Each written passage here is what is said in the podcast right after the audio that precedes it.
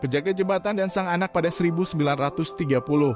John Griffith bekerja sebagai pengendali sebuah jembatan kereta api besar yang melintasi sungai Mississippi.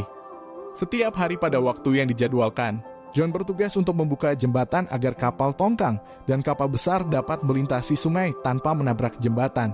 Kemudian menutupnya sesuai jadwal yang ditentukan agar kereta dapat melintas kembali. Pada musim panas 1937, John Griffith membawa anaknya yang berusia 8 tahun untuk pertama kalinya menemaninya bekerja.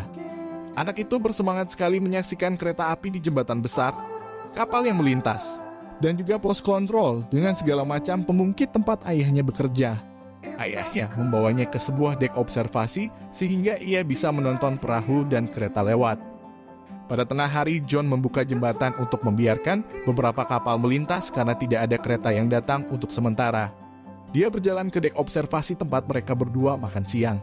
Saat itu pukul 13.07, kereta api ekspres Memphis dengan 400 penumpang akan segera melintasi jembatan itu. Tetapi karena peringatan dini kedatangan kereta tidak berjalan dengan baik, kedatangan kereta api tidak diketahui. Sebelum kedatangan kereta, sang anak sedang bermain-main di sekitar jembatan. Sang anak melihat ada kereta api dari kejauhan tempatnya bermain. Pada saat itu, posisi jembatan belum diturunkan sehingga ia berlari menuju tempat ayahnya, bekerja untuk memberitahu ayahnya bahwa akan ada kereta api yang akan melintasi jembatan.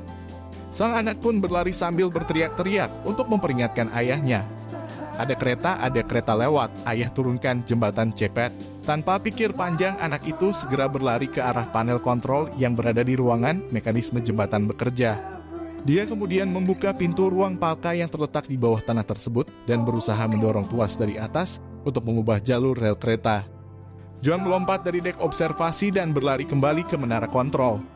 Dia menempatkan tangannya di atas tuas kontrol besi besar dan bersiap menutup jembatan. Namun sebelum menarik tuas, ia melirik ke bawah jembatan untuk melihat apakah ada kapal di bawahnya.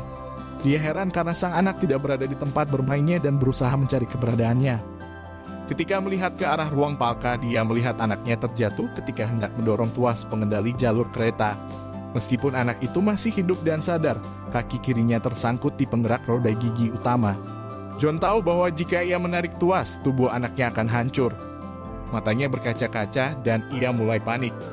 John berada di situasi dilematis antara menyelamatkan anaknya atau nyawa 400 orang di dalam kereta.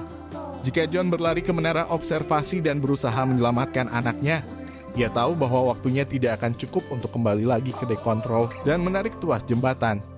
Namun jika ia menarik tuas jembatan artinya anaknya akan terjepit oleh roda jembatan dan nyawa anak itu akan melayang. Waktu John semakin pendek dan kereta semakin terlihat jelas melaju dengan kecepatan tinggi. John tidak memiliki cukup waktu untuk meminta sang masinis tersebut menghentikan keretanya. Pada saat genting tersebut, John menggunakan logikanya untuk mengambil keputusan terbaik. Dengan tangan bergetar dan dada yang bergemuruh, ia memilih untuk menyelamatkan nyawa 400 orang yang berada di dalam kereta. Dengan air mata bercucuran, akhirnya ia menarik tuas untuk menurunkan jembatan. Kereta dengan ratusan orang yang menumpang di dalamnya selamat. Pada saat yang bersamaan, ia juga mendengarkan teriakan terakhir anaknya yang begitu pilu dan menyayat. Pada hari itu ia rela membunuh anaknya sendiri demi menyelamatkan 400 penumpang lain. Tak ada seorang pun di kereta tersebut yang menyadari atau melihat pengorbanan sang ayah. Kisah yang pasti sulit dihadapi oleh siapa pun yang mengalaminya. Pengorbanan yang luar biasa dari sang ayah yang mengesampingkan keegoisan dan perasaannya untuk menyelamatkan nyawa orang banyak. Mungkin ini adalah keputusan yang paling berat yang harus dialami oleh siapa pun antara menggunakan perasaannya atau memenangkan logikanya.